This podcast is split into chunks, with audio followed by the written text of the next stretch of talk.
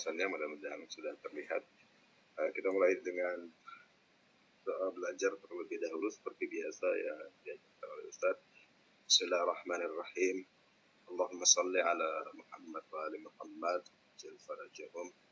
Allahumma akhrisni min zulumatil waham wa akrimni binuril faham.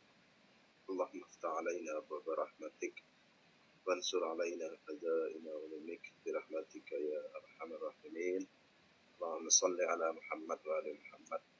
Amin. Uh, dan ini adalah rangkuman catatan kami pada pertemuan kita sebelumnya itu pertemuan kedua.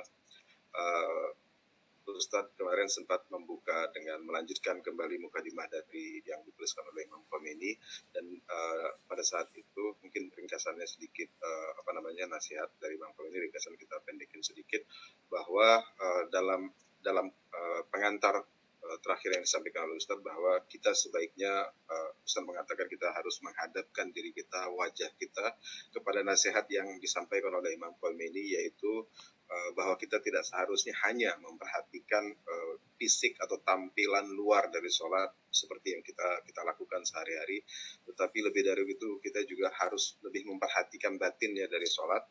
Uh, uh, kalau itu misalnya kita abaikan, kita uh, itu yang akan menjadi uh, malapetaka nantinya kita akan terhalang dari banyak berkah uh, dan kesempurnaan batin uh, jika kita mengabaikan uh, sholat dari sisi batinnya tadi. Yang sebenarnya kalau kita misalnya memperhatikan lebih lanjut, dia akan bisa mengantarkan kita pada uh, kebahagiaan yang hakiki, kebahagiaan yang abadi, yaitu uh, kedekatan kepada Allah Subhanahu wa taala.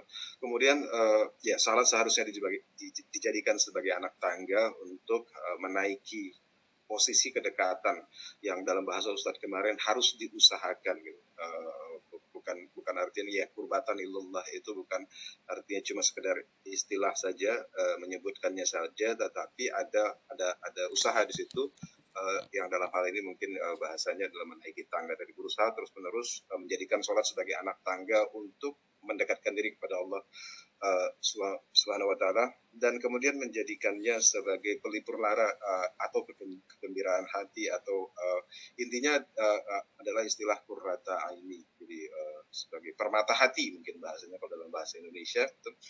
Uh, dan uh, jika kita abaikan akan menjadi sebab penyesalan yang tidak bisa dihitung bahkan oleh Imam Khomeini uh, menyebutkan uh, sangat jauh sekali. Jadi apalagi kita waktu kemarin sempat Ustaz mengatakan Imam Khomeini saja menyatakan demikian apalagi kita gitu ya. Uh, dan itu adalah nasihat dari Imam Khomeini dan kemudian uh, uh, pertemuan kemarin dilanjutkan kepada uh, bab satu yaitu bab satu judulnya adalah tawajuh. Uh, tawajuh ini kita maksudnya menghadapkan diri kesadaran kita uh, hati kita kepada sholat gitu kira-kira begitu. Kemudian ada tiga kunci dalam hal ini. Yang pertama adalah tawajuh rububiyah, kemudian zulul ubudiyah bahwa uh, semua kekuatan, keperkasaan, ilmu dan semua sifat kesempurnaan milik Allah. Jadi waktu kita menghadap kepada sholat, waktu kita sholat, kita menghadapkan diri kita uh, itu tadi yang bertawajuh itu menghadapkan diri kita dengan kesadaran penuh bahwa kita berhadapan dengan Allah uh, yang maha sempurna, yang maha perkasa, memiliki semua ilmu dan uh, dan kemudian uh, kita merasakan hambaan di situ. Jadi uh, berhadapan sama Allah yang Maha Perkasa dan merasakan uh, apa namanya ubudiyah kehambaan diri kita terhadap Allah pada saat kita mau melaksanakan sholat uh, itu yang pertama. Jadi ketika kita sudah merasakan itu hubungan itu akan mulai terrealisasi uh, dengan Allah dengan kita mengenal diri kita dan mengenal Rabb kita uh, sehingga kalau tidak itu kita lakukan maka uh, dari awal kita ah, apa namanya yang kita lakukan itu jadi sia-sia. Uh, kita tidak mengenal kita sebenarnya sedang menghadap kepada siapa gitu. Uh, kira-kira itu. Kemudian dari sisi adab adab batin uh, tadi itu tawajuh itu. Jadi kesadaran batin harus selalu kita perhatikan bahwa Allah Maha Perkasa, Maha Kuat dan kita adalah hamba makhluk yang hina, fakir gitu, uh, miskin dan uh, dalam hal ini uh, mutlak membutuhkan kepada Allah. Dan uh, tawajuh uh, stay, uh, stasiun ya stasiun ya tawajuh itu adalah stasiun uh, atau uh, milestone mungkin atau posisi yang perlu kita yang paling penting yang harus kita kita capai dalam dalam hal ini jadi semakin kuat kesadaran kita berhadapan kepada siapa dan menyadari diri kita tadi yang hamba tadi itu maka semakin cepat kita uh, apa namanya uh, uh, dalam perjalanan suluk ini. Kemudian uh, uh, ini ada poinnya ketika misalnya karena kita berhadapan kepada Allah dan merasakan diri kita adalah sebagai uh, hamba Allah yang ubudiah tadi itu uh, ini kaitannya dengan sifat ego kita. Kita masih masih mencintai dunia masih mencintai diri kita. Jadi jika kita masih mencintai diri kita uh, ya tadi itu sifat hewani itu muncul maka kita akan uh, tetap bahkan bahkan akan semakin berjauhan kepada Allah meskipun kita melaksanakan sholat ataupun puasa ataupun syariat-syariat lain yang diwajibkan kepada kita uh, tidak akan berdampak gitu. Kira-kira ini adalah hijab uh, itu juga hijab menjadi paling tebal yang berbahaya uh, karena menghilangkannya akan menjadi sulit. Uh, jadi hijab harus dihilangkan terlebih dahulu sebelum Uh, sebelum memulai perjalanan suluk uh, hijab-hijab ya ini sudah uh, banyak dibahas oleh Ustaz sebelumnya. Hijab-hijab kita harus kita singkirkan terlebih dahulu supaya kualitas kita fitrah kita yang sudah kita bersihkan itu bisa menerima cahaya yang masuk. Kemudian sifat-sifat kesempurnaan atau kebahagiaan menurut hawa nafsu. Menurut nafsu kita sifatnya adalah wahmi waham dan itu juga sifatnya dalam artinya sementara ya, tidak abadi karena dunia yang kita hidup kita hidup di dalamnya ini sementara semua waham-waham yang ada di situ juga sementara eh, termasuk ya eh, semua nafsu yang ada di situ ego dan seterusnya sifatnya sementara dan orang yang bisa menghilangkan egonya eh, di situ mencapai uh, membuka pintu urut mencapai kesempurnaan kemudian merupakan kunci dari segala kunci dan kekurangan akan hilang setelah kita menghilangkan ego, meninggalkan ego tadi itu. Kemudian pintu surga akan terbuka ketika orang mencari fana afali, uh, fana uh, dalam uh, perbuatan, uh, uh, uh, apa namanya, um, fana perbuatan, maksudnya perbuatan Allah, fana dalam perbuatan itu, uh, dan itu seharusnya menjadi ukuran dari semua kita lakukan apakah karena Allah atau karena diri kita sendiri. Jadi, um, ya, uh, seharusnya sudah jelas. Jadi intinya Eh, kita maksudnya mencapai fana afali itu kita sudah mm, apa namanya apa yang kita lakukan adalah uh, uh, sesuai dengan apa yang uh, apa yang diinginkan. Allah yang uh, kita akan lakukan. Jadi seperti itu. Jadi uh, apa namanya ya perbuatan kita adalah apa yang diinginkan oleh Allah kita lakukan. Kemudian dalam surat Al-Quran hal ini juga sempat ditanyakan surat Al-Kahfi bahwa orang-orang yang tersesat dan rugi di alam dunia ini mereka berusaha keras dan mengira bahwa kesempurnaan kebahagiaan tapi sungguhnya tersesat dan gugur. Uh, kita ya kita tersesat dan merasa uh, rugi uh, tersesat dan rugi kalau kita terus-menerus berusaha keras dan mengira dunia ini adalah tujuan kita ya kita akan merasa apa nanti ya tersesat lah dan gugur gitu ya. Kemudian dari sendiri adalah induk dari segala diri sendiri adalah induk dari segala berhala diri aku adalah berhala diri seperti itu. Barang siapa yang keluar dalam Quran surat ini uh, lupa dicantumkan. Barang siapa yang keluar dari rumahnya hijrah menuju kepada Allah dan Rasulnya dan dalam perjalanan ditimpa kematian maka pahalanya diberikan oleh Allah secara, uh, secara langsung. Artinya kita keluar dari uh, dari dari rumah kita ini salah satu maknanya adalah selain yang hijrah itu adalah maknanya secara batin kita keluar atau meninggalkan ego kita diri kita uh, yang kita sebut diri ini kita tinggalkan dan menuju kepada Allah. Tidak ada diri kita lagi hanya ada Allah dan Rasul. Kira-kira begitu. Uh, kita lanjut dulu. Kemudian hijrah batin adalah hijrah yang hakiki menyambungkan diri kita kepada Allah keluar dari hijab gelap dari rumah diri kita rumah nafsu kita.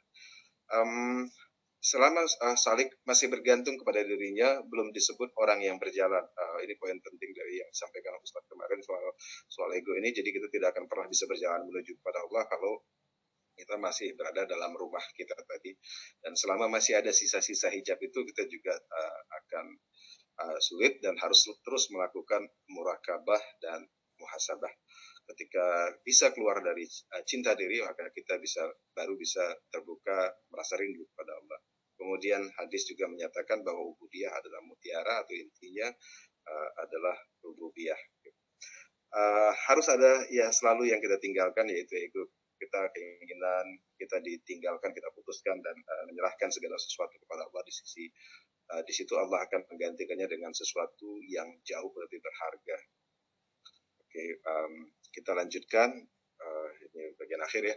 Betapa penting seorang memastikan uh, mematikan nafsunya dan barang siapa yang berusaha keras menjadi di, menjadikan uh, ubudiyah tadi itu makhluk yang hina dan fakir ketika berhadapan kepada Allah dan mencapai rububiyah maka uh, itu, uh, yang seperti ini pendengarannya adalah pendengaran Allah dan seterusnya.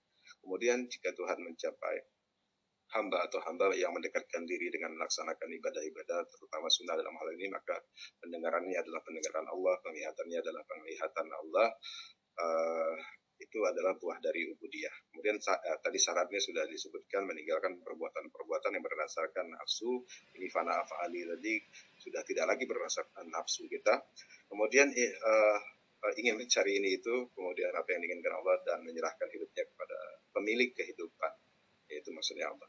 Semakin orang melatih dalam perjalanan ini, semakin Allah akan membimbingnya untuk semakin dekat kepada Allah dan semakin sempurna uh, akhirat dan dunia adalah dua hal yang bertentangan. Ini poin yang terakhir kemarin dibahas. Uh, kita juga harus dalam salah satu hadis yang disampaikan oleh Ustaz kemarin uh, dari Musalib alaihissalam juga menyatakan bahwa dunia, dan akhirat satu sama lain saling berhadapan-hadapan tidak mungkin mendapatkan kedua-duanya harus dipilih salah satu kira-kira begitu um, dan itu kira-kira uh, apa namanya catatan-catatan yang bisa kami sampaikan yang kami catat kemarin uh, dan mudah-mudahan bermanfaat. Uh, kemudian kita lanjutkan kajian kita uh, dengan pertemuan ketiga. Mudah-mudahan sudah bisa. Ya, Assalamualaikum Ustaz. Waalaikumsalam warahmatullahi wabarakatuh. Terima kasih, Suardi. Ustaz. Uh, ya, Ustaz. Um, kita mulai, Ustaz, ya? Ya, ya, insya Allah. Baik. Um, Ikhwan dan akhwat Bapak dan Ibu sekalian, kita mulai kajian kita dengan selawat tiga kali ala Nabi wa alihi salam. Allahumma salli ala Muhammad wa ali Muhammad. Allahumma salli ala Muhammad wa ali Muhammad. اللهم صل على محمد وآل محمد وآل Waktu dan tempat kami persilakan Ustaz. Baik, terima kasih Pak Suwali. Uh, suara aman Pak Suwali? Ada sedikit itu ya Ustaz ya, apa namanya kayak ada dengung gitu Ustaz. Wah. Ah itu udah, udah barusan Ustaz. Alhamdulillah. Sekarang udah? Iya, Alhamdulillah Ustaz. Baik, terima kasih. أعوذ بالله من الشيطان الرجيم. بسم الله الرحمن الرحيم. الحمد لله رب العالمين والصلاة والسلام على أشرف الأنبياء والمرسلين سيدنا وحبيبنا أبي القاسم المصطفى محمد. اللهم صل على محمد وآل محمد. اللهم صل على محمد وآل محمد. اللهم صل على محمد وعلى محمد الطيبين الطاهرين وأصحابه المنتجبين. أما بعد السلام عليكم ورحمة الله وبركاته. وعليكم السلام. وعليكم السلام ورحمة الله وبركاته. الحمد لله. الحمد لله الذي هدانا لهذا وما كنا لنهتدي لولا أن هدانا الله. puji dan syukur kepada Allah SWT pada malam ini masih dapat taufik, dapat kesempatan untuk menuntut ilmu dan semoga ilmu ini menjadi bekal kita untuk mendekatkan diri kepada Allah SWT dengan menamalkannya dan tidak menjadi hijab sebagaimana disampaikan kemarin oleh Imam ini tidak menjadi hijabul akbar yang Eh, di mana seorang mengira bahwa dia sudah punya ilmu, sudah tahu, tapi kalau dia tidak mengamalkannya itu akan menjadi hijab yang paling tebal. Semoga uh, kita tidak termasuk orang yang seperti itu. Dan semoga Allah SWT membantu kita semua untuk mengamalkan ilmu ini. Terutama ilmu yang berkaitan dengan salat, dengan adabus salat. Ini uh, satu kesempatan yang luar biasa kita uh, berdoa kepada Allah SWT untuk mengambil kesempatan ini untuk setiap minggu uh, kita berusaha untuk menerapkan, untuk mengamalkan, untuk menjadikan uh, satu minggu sebagai lapangan di mana kita berusaha untuk mengaplikasikan dan untuk mengamalkan uh, apa yang kita dapat dari buku yang sangat berharga ini. Uh, uh, juga untuk mengingatkan diri sendiri dan juga mengingatkan ikhwan akhwat hal yang disampaikan kemarin Imam Qurani bahwa uh, in kubilat dalam hadis yang qubilat qubila ma siwaha wa in ruddat rudda ma siwaha. Kalau salat ini diterima, semua selain salat akan diterima dan kalau salat tidak diterima, maka semuanya selain salat tidak akan diterima. Jadi uh, kehidupan kita dunia dan akhirat bergantung pada salat kita, pada kualitas salat kita. Uh, maka Ya, jadi uh, di mana lagi kita akan mendapatkan kesempatan seperti ini untuk mengetahui rahasia-rahasia salat, adab-adab salat, uh, bagaimana salat kita menjadi salat yang menantar kita untuk mencapai tujuan kita itu menjadi manusia yang dicintai Allah Subhanahu wa taala.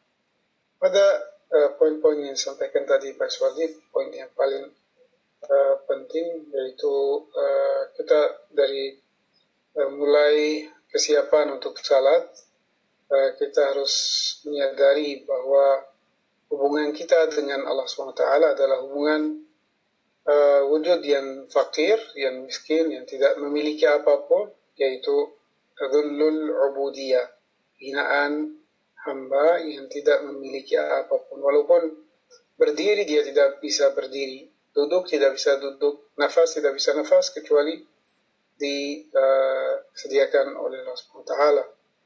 Maka harus sadar bahwa kita ini bergantung uh, secara total uh, kepada Allah SWT.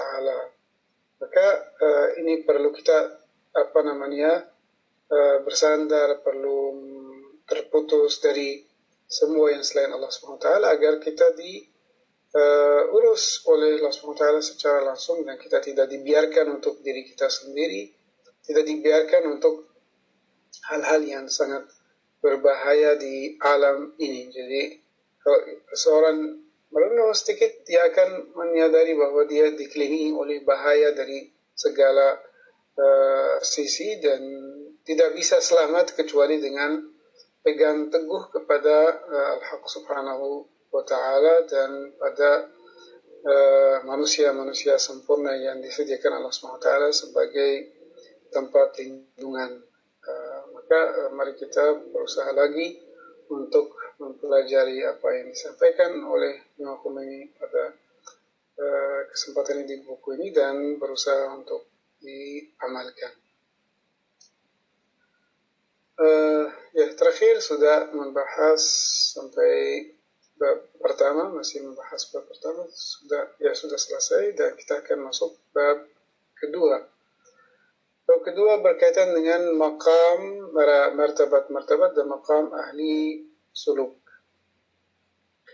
Jadi bagaimana ahli suluk menjadikan salat uh, sebagai uh, tadi anak tangga yang uh, digunakan untuk naik terus, naik terus untuk mencapai makam-makam di sisi Allah SWT.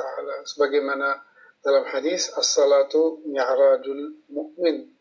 Jadi kita uh, mendapatkan dalam salat salat fasilitas uh, untuk menaiki makam-makam yang di uh, merupakan potensi yang ada di dalam diri kita. Jadi manusia memiliki potensi yang tidak terbatas dengan uh, potensi tersebut dia harus diaktualkan dan harus uh, naik di makam-makam tersebut dengan apa? Dengan menjalani ubudiyah, menjalani ubudiyah dalam segala macam aspek uh, ibadah dan terutama pada salat. Salat merupakan asal dari semua ibadah. Ya, di, di sini Muhammad menyampaikan bahwa ahli suluk memiliki makam dan martabat yang begitu banyak. Nah, tidak bisa dihitung, la tuhsa. Dan di sini dalam uh, kesempatan ini akan disampaikan beberapa saja dan disebut secara uh, keseluruhan, secara universal dan tidak akan bisa menghitung satu per satu. Dan kata Imam ini yang bisa men mengetahui dan bisa mencakup semuanya itu hanya orang-orang yang tertentu seperti para rasul, para wali dan para maksumin alaihissalam. Uh, tetapi akan disampaikan cara untuk menjalani perjalanan ini dan bagaimana uh, sampai kita bisa bergabung dengan aulia Allah SWT ini. Terus martabat pertama, uh, martabat ilmu. Jadi kita semuanya harus mulai dari ilmu. Yaitu ilmu husuli atau uh, ilmu konsep-konsep yang kita pelajari seperti dari buku, dari ceramah, dari guru, dari sebagainya, kita dapat uh, bagaimana melakukan salat baik secara fikih yaitu uh, apa yang kita belajar dalam fikih atau rahasia salat atau adab salat atau akhlak salat yang kita dapat dalam buku-buku akhlak atau irfan amali seperti buku ini. Uh, tapi semuanya harus mulai dengan ilmu. Maka ilmu merupakan syarat pertama. Kenapa uh, dalam hadis utlubul ilma minal mahdi ilallah dan banyak riwayat yang menekankan bahwa kita tidak boleh berhenti menuntut ilmu karena tanpa ilmu kita nggak bisa mengetahui uh, jalan kita menuju kepada Allah SWT. Uh, dengan ilmu ini kita bisa membuktikan bahwa ada satu perjalanan uh, yang uh, manusia harus melakukannya, harus mencapainya, yaitu ma'ad. Jadi manusia akan diciptakan di dunia ini, dia harus menuju kepada Allah SWT dan perjalanan ini uh, atau relasi antara manusia dan Allah itu merupakan relasi antara pencipta dan ciptaannya. Jadi pencipta dan ciptaannya relasinya kalau kita lihat dalam filsafat, dalam uh, irfan, dalam Al-Quran juga, itu relasi antara yang maha kaya dan yang maha fakir, yang tidak memiliki apa pun, fakar dan murni. Itu adalah relasi antara dua-duanya. Maka yang memberi, maha pemberi adalah Allah, dan menerima adalah uh, hamba. Dan penerimaan itu bukan sekali dua kali tapi terus menerus. Jadi kalau uh, Allah SWT memutus pemberiannya satu sejenak, manusia itu akan hancur, tidak akan mendapatkan uh, apa namanya apa yang dia butuhkan untuk uh, kehidupan ini. Maka di situ terletak dullul ubudiyah wa izzur rububiyah. Jadi semuanya dari berasal dari Allah dan hamba merupakan makhluk yang fakir yang butuh kepada Allah Subhanahu wa taala. Jadi ini syarat pertama untuk melakukan menjalani perjalanan ini. Dan ini merupakan sebagaimana disampaikan di sini lubbu lubabil ma'arif. Ini adalah inti dari inti sari dari ma'rifat. Jadi barang siapa yang sadar hal ini dia akan semua uh, pintu ma'rifat akan terbuka baginya. Tapi kalau tidak sadar hal ini tidak ada yang akan terjadi walaupun dia bisa berjalan, bisa berusaha keras, tapi akan menuju ke mana? Bagaimana disampaikan kemarin menuju ke nafsu yang dijadikan sebagai Tuhan, bukan menuju kepada Allah Subhanahu wa. Jadi dari ilmu uh, filsafat, kalam dan hikmah dan sebagainya Eh, bahwa manusia makhluk seluruh selain um, Allah SWT adalah satu wujud yang bergantung secara total. Ya, sebagaimana disebut ainur rat atau sesuatu yang bergantung secara total kepada Allah SWT dan fakir murni fakir murni itu bukan sesuatu yang yang butuh tetapi sesuatu yang adalah kebutuhan. Jadi ini yang disebut oleh Mullah Sadara sebagai ainul fakr. Jadi kalau ada sesuatu yang butuh, ya bisa jadi dia uh, ada waktu yang dia tidak uh, tidak diberikan masih masih masih eksis masih hidup. Tapi ini tidak seperti itu. Jadi hmm, wujud yang kalau tidak diberi terus menerus dia hancur. Jadi fakar itu adalah zatnya, bukan sifatnya. Jadi kalau kita mengatakan seorang itu fakir, ada orang yang fakir. Jadi fakir itu sebagai sifat. Tapi hakikat makhluk atau manusia atau mewujud yang lain dengan Allah SWT adalah fakir itu sendiri, bukan sifat, tapi zatnya adalah kefakiran. Dan juga dari sisi lain kita harus mengenal bahwa Allah Maha Perkasa, tidak ada yang bisa mengalahkan ketentuannya. Uh, Allah adalah Maha uh, apa namanya Allah pemilik segalanya, Malik dan juga sultan, pemimpin, penguasa dan tidak ada yang bisa men, mengambil uh, sesuatu dari kesultanannya atau dari kepemilikannya. Uh, Itu adalah uh, sesuatu yang hak haknya Allah Subhanahu wa taala. Dan dul atau kehinaan ubudiyah adalah sifat atau hakikat dari manusia dan semua makhluk selain Allah Subhanahu wa taala. Terus apa itu hakikat irfan dan syuhud? Jadi kita mendengarkan orang itu mencapai makam-makam yang tinggi, orang itu mencapai syuhud, mendapatkan kasyaf dan sebagainya. Sebenarnya semua itu bergantung pada ini. Jadi kalau kita dapat menghilangkan ego, yaitu merupakan hijab kita adalah diri kita yang merupakan hijab diri kita sendiri. Nah, bagaimana orang itu sampai menghilangkan hijab dan uh, mematikan ego itu dengan riyadha dan suluk tidak ada cara lain. Tidak ada cara lain, tidak ada uh, misalnya satu resep yang uh, cepat orang itu bisa menjadi arif, bisa menjadi orang yang melihat harus dengan mujahadah Bagaimana Allah SWT menjelaskannya lebih dahulu dalam Al-Quran. Ya ayyuhal insanu innaka kadihun ila rabbika kadhan famulaqi.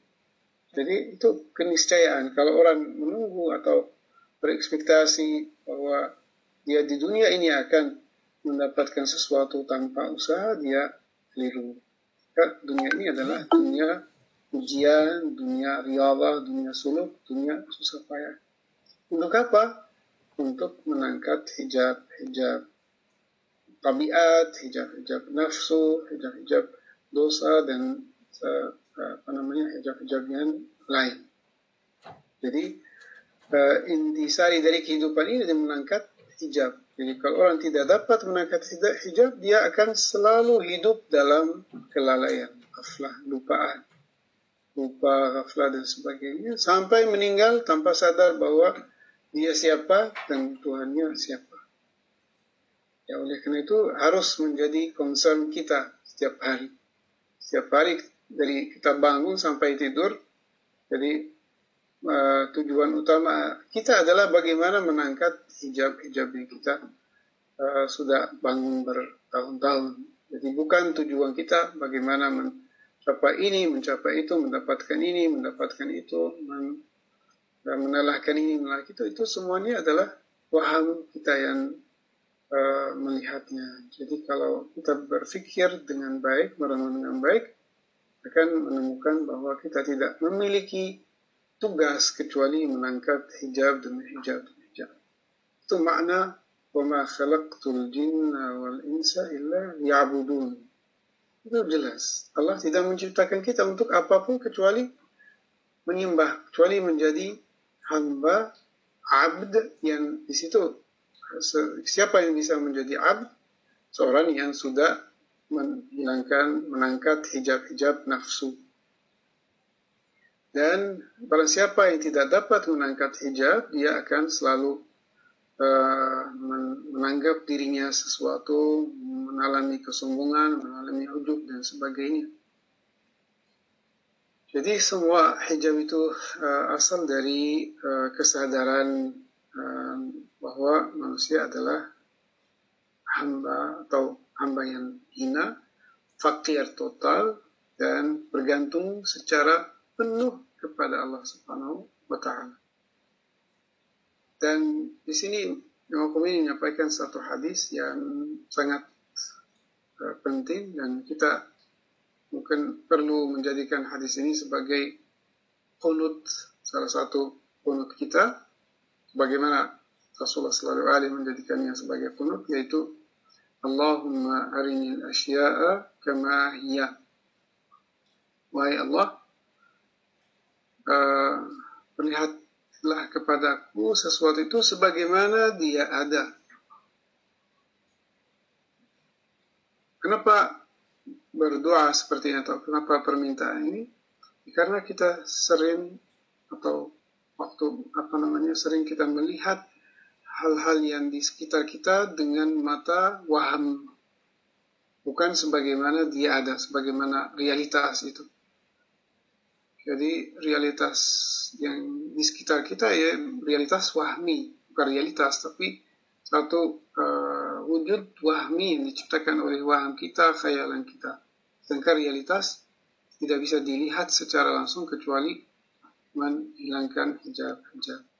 Kita perlu selalu berdoa kepada Allah SWT agar melihat hakikat sebagaimana hakikat itu ada dan menghilangkan uh, apa namanya hijab waham dan khayal dan ya apalagi dengan uh, kehidupan sekarang yang penuh hijab dari uh, dunia maya ini yang kita uh, menjadi satu keniscayaan dalam kehidupan kita dan kalau kita tidak menghindarinya kita akan uh, menambah hijab di atas hijab. Uh, ya, jadi uh, Rasulullah SAW dalam hadis ini men, men, uh, menjelaskan atau mau menjelaskan tentang masalah uh, siapa siapa yang bisa menyaksikan dulul ubudiyah ya hanya orang yang melihat realitas bagaimana realitas itu ada. Jadi seorang salik yang memang berjalan sebenarnya berjalan dan tidak berhenti pada satu tempat sebagaimana disampaikan pada uh, kesempatan kemarin bahwa selama manusia masih uh, apa namanya masih hidup masih menonjol egonya dia tidak mungkin berjalan. Dan apa namanya uh, tahap pertama ini atau syarat pertama ini dia harus melaluinya melalui dengan suluk suluk ilmi. Misalnya orang harus membaca misalnya buku ini dari awal sampai akhir. Ini sebagai suluk ilmi, mengetahui adab-adab salat yang uh, yang apa namanya disampaikan oleh ulama kita dan mengetahui rahasia-rahasia salat yang harus dicapai. Bayangkan misalnya orang yang tidak pernah baca atau tidak pernah mendengarkan tentang rahasia-rahasia salat. Atau pernah mendengarkan salat ini punya rahasia tetapi tidak pernah menelusuri dan mencari mempelajari rahasia itu apa untuk diterapkan untuk dicapai untuk dibuka. Ya, biasanya orang mengira bahwa rahasia, rahasia itu untuk orang yang tertentu untuk para wali para rasul. Tapi untuk kita ini nggak harus mengetahui dan nggak harus mengungkapkan eh, rahasia-rahasia uh, tersebut. Sedangkan kalau kita tidak men, uh, tidak tersingkap hakikat salat itu, maka salat tidak akan menjadi salat yang bermanfaat uh, di akhirat. Dan hanya sekedar menggugurkan kewajiban. Maka ini tahap pertama harus uh, tahu apa yang terdapat dalam salat.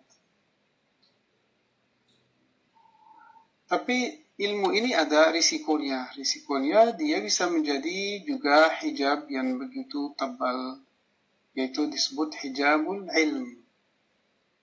Dan banyak ulama yang kena hijab ini. Orang tahu dan ilmunya luar biasa, tapi hijab itu, eh, apa namanya, ilmu itu tidak bermanfaat karena tidak diamalkan. Hanya untuk menyampaikannya kepada kepada orang lain dengan uh, apa namanya dengan ceramah dan sebagainya mengajar dan sebagainya tapi tidak uh, sadar bahwa atau tidak uh, dia berusaha untuk menamalkan hal itu lebih dahulu bukan dipelajari untuk disampaikan atau dipelajari untuk memiliki uh, status di tengah masyarakat dan sebagainya itu menjadi hijab yang paling tebal dan itu adalah hijab yang paling berbahaya. Ya, dengan hijab ini, eh maaf, dengan mengangkat hijab ini manusia bisa mencapai makam pertama menuju gelar manusia. Jadi sebelum ini ya masih dalam kategori mungkin belum menjadi manusia. Untuk menjadi manusia harus mencicipi, mengalami roh dari ibadah. Jadi kalau dia seorang manusia belum mencicipi dan belum mengalami roh dari ibadah, maka dia masih, masih di mana di kulit ibadah itu masih hanya melakukan kulit ibadah itu dan tidak pernah masuk ke dalam. Jadi masih di luar uh, lingkaran kemanusiaan. Nah, untuk memasuki lingkaran manusiaan, tahap pertamanya adalah mengangkat hijab ilmu. Tapi dengan menyadari risikonya bahwa jangan sampai hijab itu sendiri menjadi lebih tebal dengan tidak mengamalkannya. Sebagaimana disampaikan di sini, bahwa hijab ini merupakan salah satu hijab yang sangat-sangat menjadi hijab yang sangat tebal ketika tidak diamalkan. Sebagaimana dikatakan, al-ilmu huwal hijabul akbar. Ilmu adalah hijab yang paling besar. Jadi harus memahami uh, pernyataan ini dalam konteks ini. Jadi ilmu itu baik dan wajib syarat. Tapi bisa menjadi hijab akbar ketika tidak diamalkan. Oleh karena itu, uh, manusia harus berjuang, harus berusaha keras ketika man, sudah mengetahui sesuatu, harus berusaha untuk menamalkannya dan tidak apa namanya tidak menyerah, tidak mengatakan saya tidak bisa mengamalkan ilmu ini, oh ilmu ini susah, sulit, bukan untuk saya maka ditinggalkan. Sebagaimana banyak orang melakukan menyerah dari awal atau melihat misalnya sesuatu itu hal itu uh, ilmu itu tidak uh, mudah ya memang tidak mudah karena perlu mujahadah maka dia menyerah dan dia akan mengalami kerugian yang besar. Jadi tidak sama orang yang tidak tahu sama sekali dengan orang yang tahu tapi tidak mengabaikan. Lebih baik tidak tahu daripada tahu dan mengabaikan. Oleh karena itu harus memang berjuang dan uh, sampai menebus hijab ini. Dan uh, di sini menjelaskan kenapa sampai hijab ini menjadi hijab yang paling besar ketika seorang puas dengan makam ini. Sudah tahu, dia belajar, sudah tahu, sudah baca satu buku, dua buku, beberapa buku, dan menira bahwa sudah mempunyai ilmu dia berilmu. Maka dia puas dengan ilmu itu yang digunakan untuk belajar, untuk menajar, untuk berdebat, untuk disampaikan kepada yang lain, tapi tidak merasa bahwa dia harus diterapkan lebih dahulu kepada dirinya sendiri. Dan itu menjadi penjara bagi manusia itu. Hatinya tertutup dengan ilmu itu sendiri. Dan itu yang disebut istidraj ya istidraj adalah satu imtihan atau satu uh, ujian di mana Allah SWT memberi satu kenikmatan tapi kenikmatan itu tidak digunakan uh, sebagaimana seharusnya dan sebagaimana uh, harus digunakan. Maka dengan kenikmatan itu manusia menjadi lebih jauh dari Allah SWT karena tidak mensyukuri kenikmatan itu. Karena mensyukuri kenikmatan harus di gunakan sesuai dengan perintah Allah Subhanahu wa taala. Terus man lebih uh, menjelaskan secara detail tentang istidraj terutama uh, yang berada dalam konteks ilmu ini di mana seorang uh, hamba sibuk dengan detail-detail ilmu tersebut. Hanya ada orang yang uh, menuntut ilmu dan uh, dia menghabiskan umurnya dalam detail-detail yang dalam ilmu itu tanpa ada manfaatnya. Kita beri contoh, misalnya contoh yang terkenal, uh, Imam Al-Fakhr Al-Razi, siapa yang tidak mengenal Al-Fakhr Al-Razi, menulis uh, ratusan buku, jadi banyak buku yang beliau tulis, seperti misalnya Tafsirul Kabir, salah satu tafsir yang sangat terkenal, masyhur. Beliau menghabiskan umurnya dalam berdebat, dalam menjelaskan men, pertanyaan apa namanya mempertanyakan persoalan tentang uh, ilmu kalam, ilmu ini, ilmu itu semua ilmu beliau membahas sampai akhir kehidupannya mau meninggal dunia merasa tidak ada yang dia lakukan. Masa semua ilmu itu digunakan untuk berdebat dan untuk hanya uh, apa namanya memuaskan mungkin uh, apa namanya istilahnya uh, penasaran karena ilmu itu juga termasuk penasaran. Ada yang bisa menghabiskan umurnya dalam penasaran itu mencari cabang-cabang uh, dari ilmu itu mencari ini mencari itu tapi akhirnya tidak tidak akan bermanfaat bagi dirinya. Dan itu yang disebut istidraj.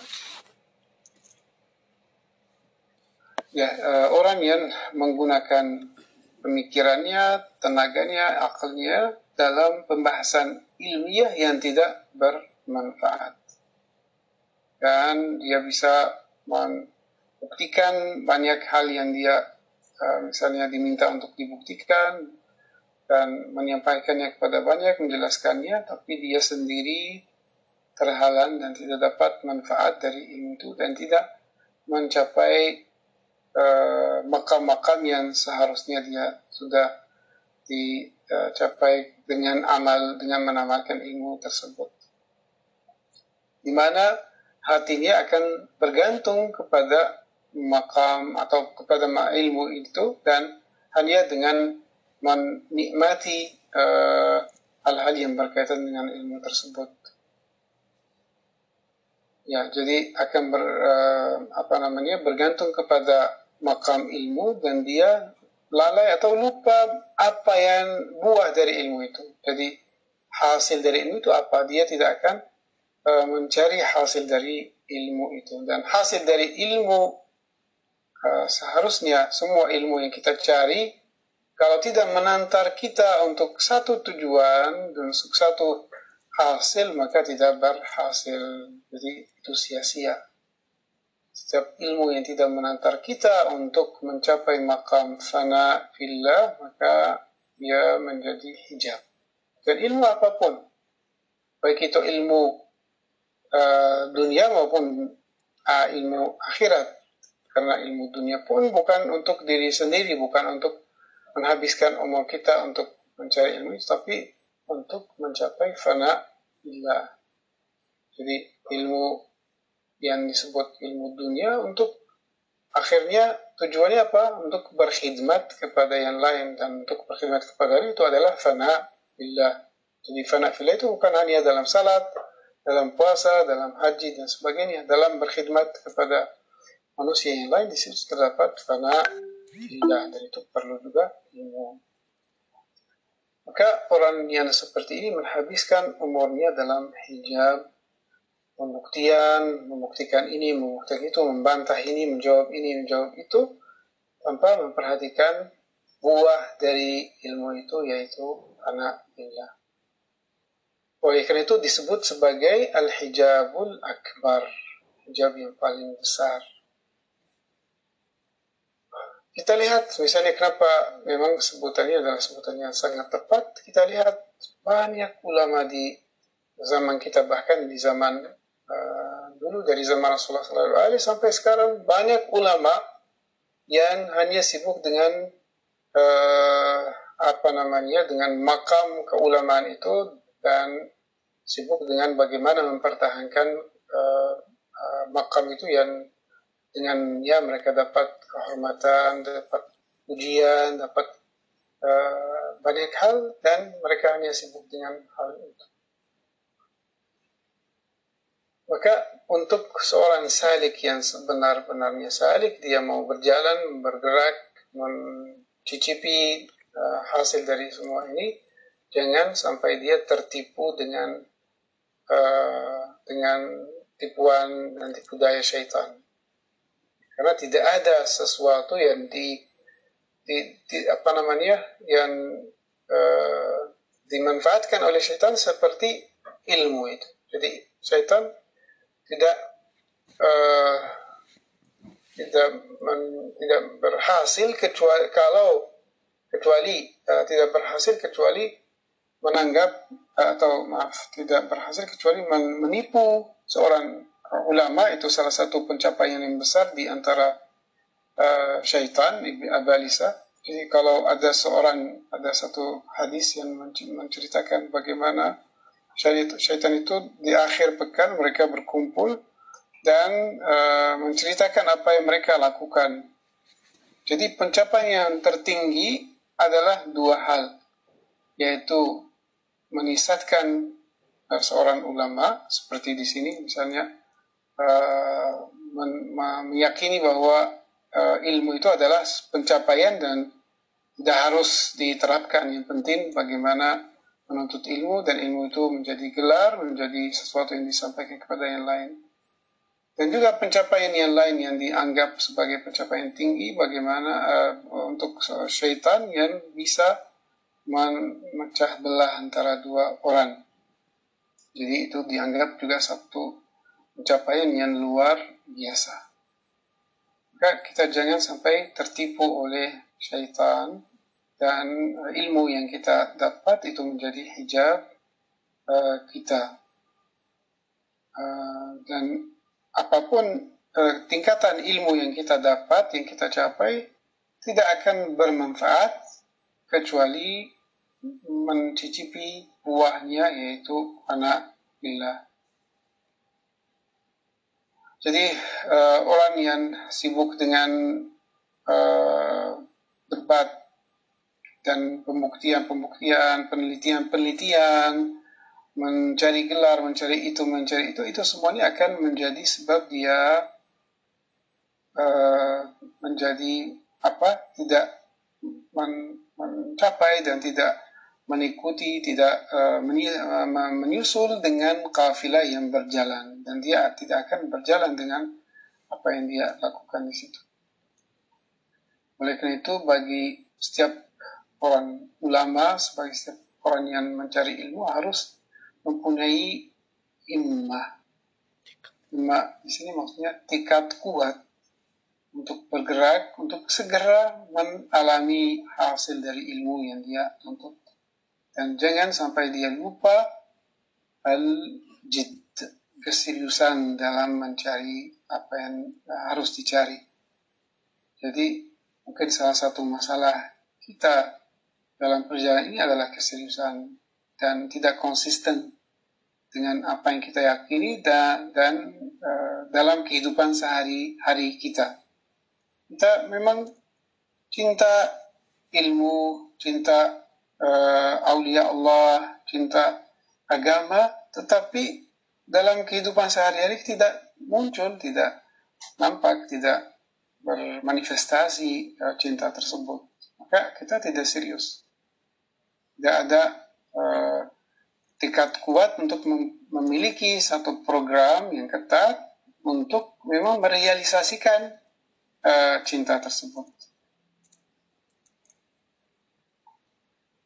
Ya, itu semuanya untuk mencapai makam yang kedua. Jadi tadi makam pertama yaitu ilmu. Makam yang kedua adalah buah dari ilmu itu. Bagaimana kita bisa alami buah dari ilmu tersebut. Apa itu buah dari ilmu itu? Ini pernah kita bahas dalam buku Junudul Aql wal dan juga dalam kesempatan yang sebelumnya bahwa semua yang kita paham, semua yang kita tahu secara akal dengan dalil-dalilnya, dengan pembuktian-pembuktiannya harus diturunkan, harus diterapkan, harus di apa namanya di uh, apa di, di, di uh, internalisasikan ke mana ke hati. Dengan apa? Dengan suluk dengan riyabah dengan amal. Jadi ada suluk ilmi ada suluk amali. Suluk ilmi yang kita sekarang hadir menyimak uh, terus bertanya jawab dan sebagainya ini disebut suluk ilmi setelah ini mulai suluk amali. Suluk amali kita berusaha untuk menerapkan ini dalam konteksnya misalnya salat kita berusaha supaya salat itu misalnya tahap pertama kita harus dalam salat berikutnya merasakan dhullul ubudiyah dan izzur rububiyah. Harus dirasakan. Kalau belum dirasakan maka belum diamalkan. Bagaimana dirasakan, diamalkan, eh, bagaimana dirasakan? Ya dengan disadari. Kalau tidak disadari nggak mungkin dirasakan. Sadari bagaimana kita sadari dengan tafakkur. Merenung tentang hakikat diri kita dan siapa itu Tuhan. Ini semakin ma'rifat Tuhan itu muncul dalam hati kita semakin kita merasa kecil, merasa uh, lemah, merasa tidak ada sama sekali, itu baru kita bisa mengalami ubudiyah. Jadi ini bagaimana penerapan dan bagaimana mengamalkan ilmu tersebut. Jadi kalau kenapa mau ribut sekarang? Alfon, lanjut Sat. Lanjut Sat. Tadi uh, bocor sedikit Sat. Oke. Okay. Jadi uh,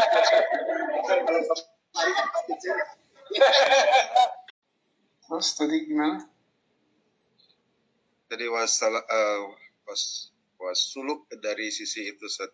dari hmm. sisi belajar. Ya. Uh, tadi ya Dullul Ubudiyah dan Izzu Ar-Rububiyah Ya ini ada poin yang saya tadi mau sampaikan. Ya ini bagaimana kita menulis ini Mahkum ini menyebutkan kata menulis menulis dengan pena akal atas papan kalbu. Ya jadi ini perlu dibuka sedikit. Akal menandung ilmu yang sifatnya universal. Seperti Pena itu menandung uh, apa istilahnya? Uh, istilahnya itu? Tinta, Ustaz. Ya, tinta.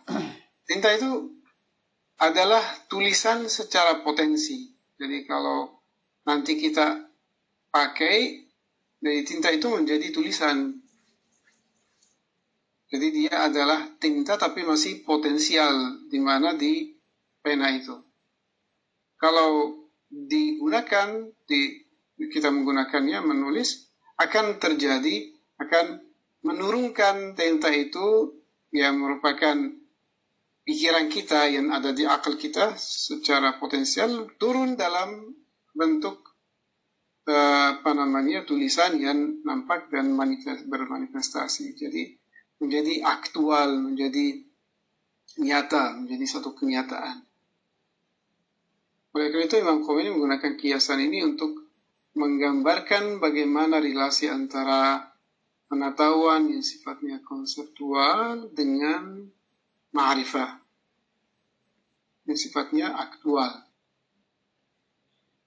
Jadi ilmu yang kita pelajari sekarang masih di ranah apa akal masih universal masih uh, buahnya apa nama sih potensial belum belum bisa kita rasakan. Terus bagaimana dirasakan? Jadi harus ditulis di atas kalbu, harus diturunkan kepada kalbu. Jadi kalbu itu semacam papan yang bisa menerima uh, apa yang diturunkan oleh akal, apa yang di uh, apa namanya dimiliki oleh akal itu bisa menjadi uh, uh, nyata, satu kenyataan yang bisa dialami, bisa dirasakan oleh kalbu dengan apa? Dengan amal, dengan mempraktikannya setiap saat dengan riadah, dengan suluk, itu akan men, uh, bisa men, uh, menjadikan apa yang ada di dalam konsep kita sebagai kenyataan, satu hakikat yang sifatnya eksistensial yang bisa bermanfaat. Itu makna bagaimana kita harus mencicipi zullul ubudiyah wa izzur rububiyah yang kita tahu secara akal tapi belum dirasakan secara hati. Uh, jadi bagaimana kita turunkannya kepada akal dengan tadi men uh, tafakuri merenung tentang hakikat kita dan juga dengan mengosongkan hati kita dari hijab-hijab ilmu tadi. Uh, terus di sini akan uh, ini menjanjikan akan membahas masalah ini secara detail pada kesempatan yang dekat. Uh, terus maka uh, pada makam kedua ini yaitu uh, penerapan atau amal uh, buah dari amal itu adalah iman iman tentang hakikat-hakikat salat atau hakikat-hakikat ibadah atau hakikat-hakikat apa yang kita tahu itu uh, kita mengimani. Jadi iman itu bukan percaya sebenarnya.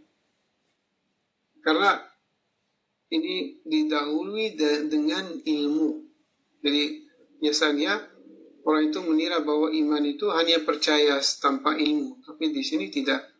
Memang iman adalah satu tingkatan yang lebih tinggi daripada ilmu setelah memiliki ilmu, lalu ilmu itu diterapkan, diamalkan, baru menjadi iman. Maka iman di sini adalah satu keyakinan yang lebih tinggi daripada iman, eh, daripada ilmu. Jadi kalau kita bisa menggunakan istilah ilmu yakin di sini mungkin bisa menjadi ainul yakin iman. Iman satu keyakinan yang tinggi. Terus makam ketiga. Jadi kita sudah membahas dua makam. Makam pertama dan makam kedua. Terus makam ketiga adalah itminan atau tumaknina. Ketenangan batin. Ketenangan batin ini adalah iman yang sangat tinggi.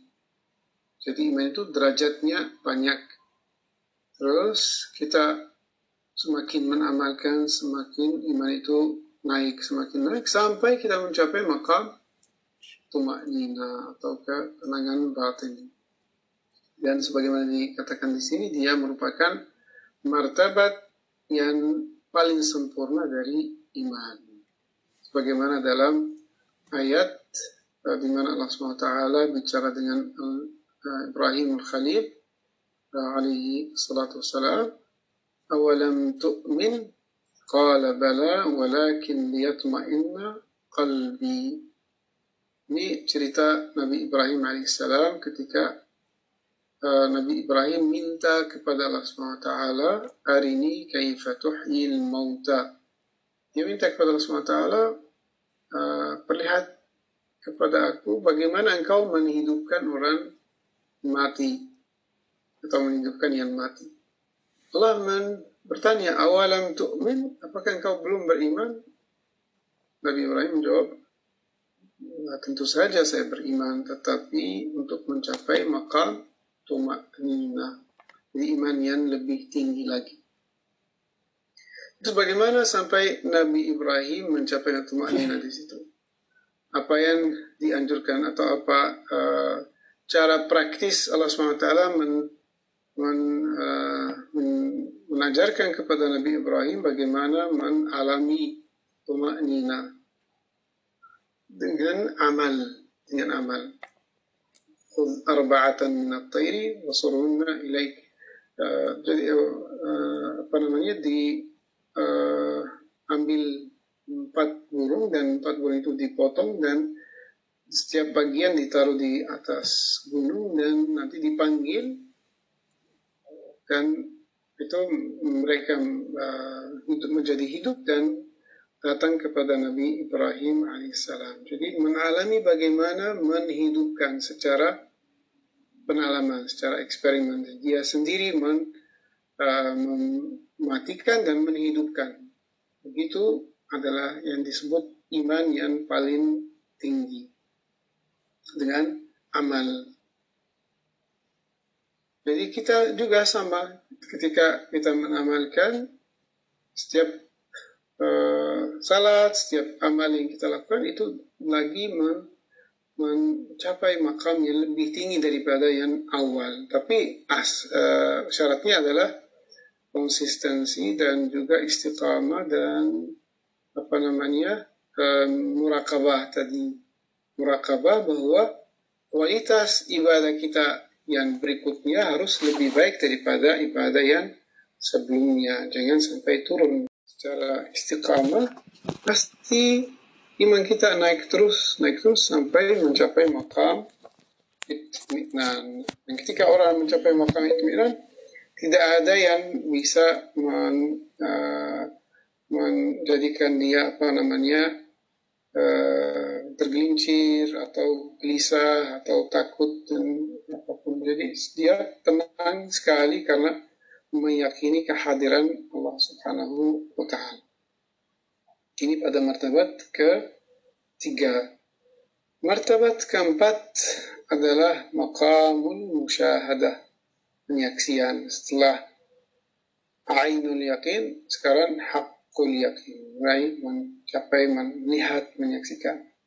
Kenapa itu penyaksian? Dia adalah cahaya ilahi dan manifestasi dari rahmat Allah Subhanahu wa taala yang muncul di mana? Di dalam batin manusia, rahasia manusia, batin manusia itu asma Allah Subhanahu wa taala yang bermanifestasi di dalam dirinya asma dan sifat. Akan men, uh, bercahaya dan bermanifestasi di dalam kalbu orang habit, orang, kalbu orang yang tenang, yang beribadah, di situ akan bermanifestasi. Dan itu yang disebut syuhud. syuhud. Dan makam ini juga banyak derajatnya sampai nggak bisa dihitung. Karena asma Allah SWT banyak sekali tidak bisa dihitung, maka pengalaman-pengalaman di sini sangat-sangat luas dan tidak bisa dihitung. Tapi ini merupakan uh, makam di mana manusia sudah mulai lancar perjalanannya dan tidak ada kendala dan tidak ada masalah di dalam uh, perjalanan ini. Dan sebagaimana dikatakan hukum ini, kita pada berapa lembar ini, pada buku ini, kita nggak bisa bicara tentang hal yang begitu luas seperti samudera, yaitu uh, bagaimana uh, syuhud para wali yang dialami uh, dengan um, apa namanya uh, dengan menghiasi diri dengan asma Allah SWT al-husna. Yaitu misalnya pada makam ini ada yang disebut qurbun nawafil yang kita pernah bahas kemarin. Dan seorang salik melihat dirinya tenggelam dalam lautan yang tidak ada ujungnya. Dan di situ akan terungkap rahasia-rahasia yang dari Allah SWT. Uh, terus masih ada uh, apa namanya risiko di sini juga uh, menurut hukum ini adalah risiko istidraj. Jadi risiko istidrajnya adalah pada uh, ketika seorang karena banyak orang juga yang mengalami kasyaf syuhud tapi merasa puas dengan kasyaf dan syuhud tersebut. Itu pun akan menjadi hijab juga kalau mereka akan puas dengan kasyaf dan pengalaman yang tertentu mulai merasa gembira, merasa bahagia dan sudah merasa itu adalah tujuan akan juga mengalami uh, kesengsaraan dan kehancuran karena perjalanan ini tidak ada ujungnya kecuali bertemu dan berjumpa dengan Allah SWT.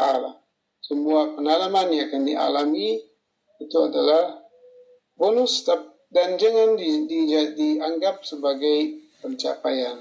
Jadi Tuhan ya sesuatu yang Allah SWT ingin mencicipi kepada hambanya supaya mereka terus menerus berjalan dan uh, melanjutkan perjalanannya sampai berjumpa dengannya.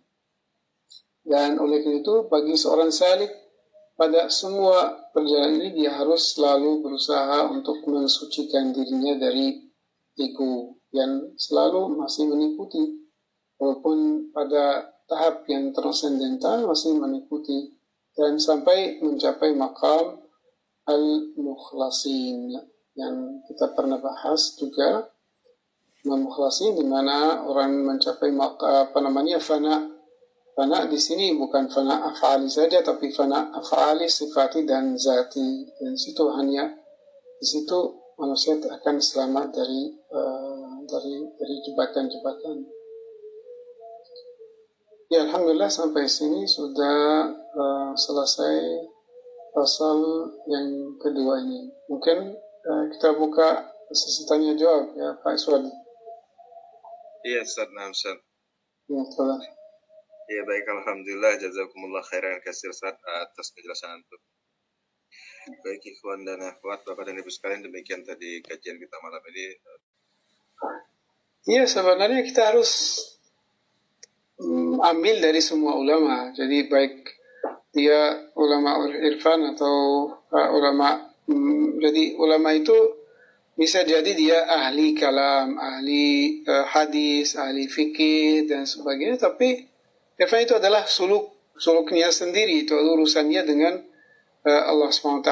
Jadi bukan uh, ulama yang bicara tentang irfan atau ulama yang menulis tentang irfan itu baru disebut ulama irfan. Tapi ulama itu urusannya banyak karena ilmu banyak, kalam, filsafat, uh, tafsir, terus hadis, usul fiqh dan sebagainya itu semuanya adalah ilmu.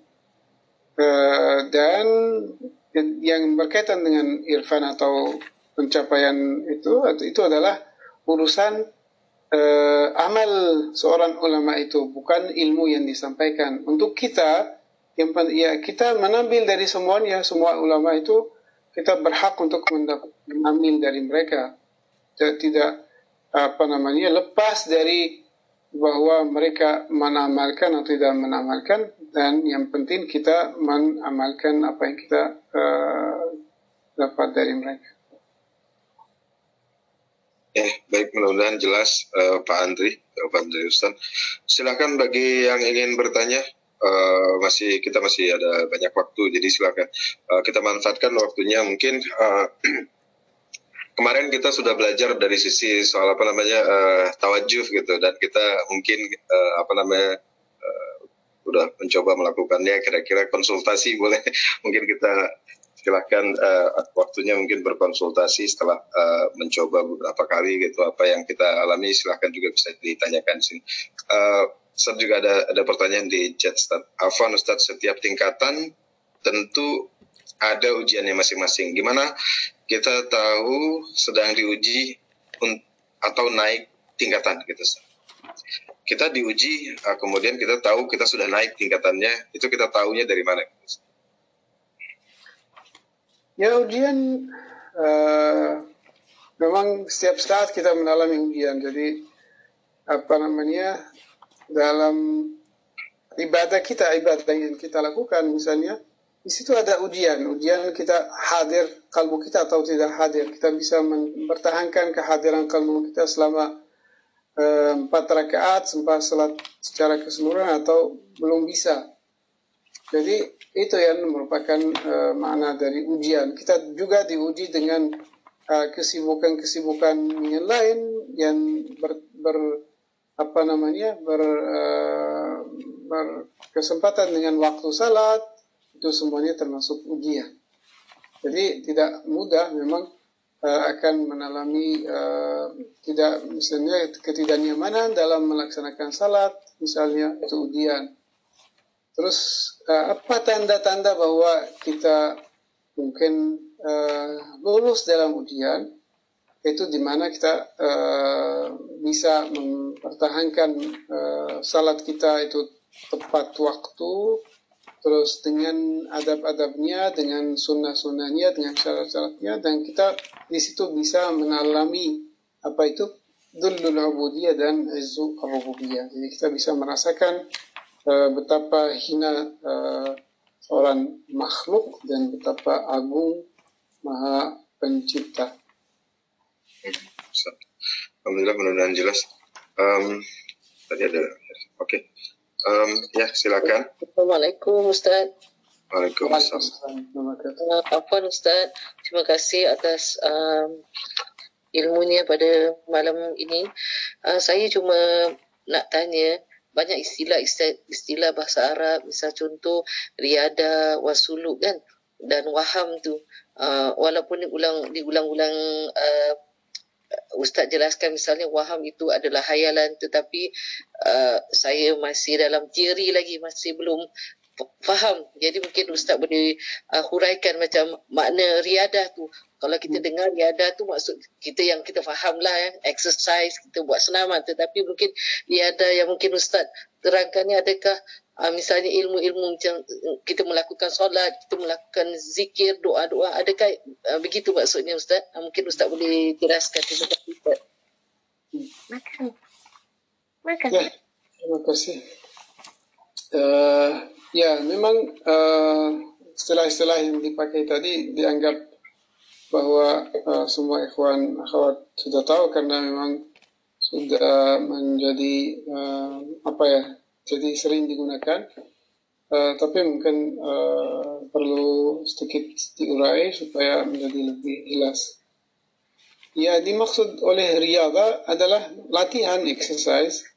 Uh, seorang melatih untuk memperkuatkan potensi-potensinya. Jadi latihan itu digunakan untuk kuatkan potensi kita. Potensi di sini dimaksud potensi di sini batin. Jadi supaya batin kita itu bisa aktif, bisa hidup, bisa menalami, bisa berbicara, berkomunikasi. Jadi komunikasi kita dan interaksi kita tidak sekedar lahir, tidak sekedar lisan, tidak sekedar lahir, tapi harus juga secara batin. Dan itu perlu dipraktikkan. Jadi kita pun praktikkan bicara dengan kalbu. Mempraktikkan menalami dengan uh, melihat dengan mata batin. Walaupun tidak mudah, tapi harus ada mujahadah. Harus ada uh, usaha untuk mencapai uh, hal itu. Jadi uh, apa namanya? Misalnya orang uh, yang secara fisik melakukan riada atau exercise secara fisik, dia masuk ke gym, mulai latih dengan sesuatu yang sederhana dan uh, terus dia perlu waktu, perlu juga konsistensi dalam latihan sampai menjadi kuat otot-ototnya dan exercise-nya banyak. Begitu juga dalam uh, uh, konteks suluk, uh, suluk itu adalah perjalanan menuju kepada Allah Subhanahu wa taala itu makna suluk. Jalan menuju kepada Allah Subhanahu wa taala. Dalam perjalanan ini kita ada tantangan, ada ujian, ada uh, yang kita harus lakukan. Uh, misalnya saya memberi contoh untuk riyadhah. Uh, uh, misalnya apa yang dilakukan oleh Rasulullah Sallallahu Alaihi Wasallam itu riyadhah jadi beliau berkhulwat di Ghar Hira merenung, men, uh, merenungkan Allah SWT, mentafakuri alam Allah SWT diri sendiri dan itu uh, untuk apa namanya supaya rahasia-rahasia batin itu muncul bermanifestasi. Ya, jadi kenapa kita butuh riyadha? Karena kesibukan sehari-hari kita uh, tidak memungkinkan potensi batin kita itu aktif terus. Jadi walaupun kita pada waktu salat misalnya kita mempunyai waktu yang uh, cukup untuk mengaktifkan dan menggunakan potensi-potensi uh, batin, tapi yang dominan apa?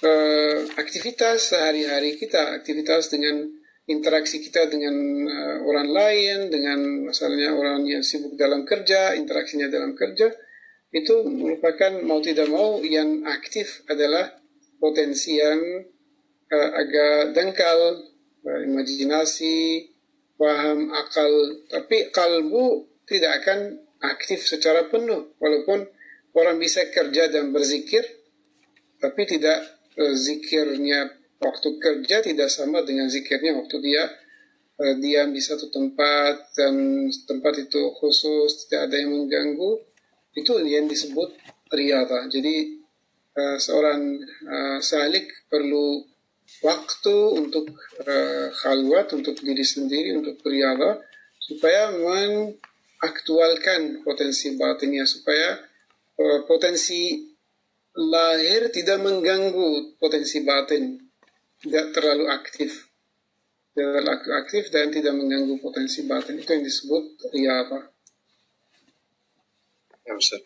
Ya, Tadi mungkin ada ya ada juga satu pertanyaannya mungkin Ustaz, eh, dari sisi waham tadi Ustaz. Ya. Oh ya.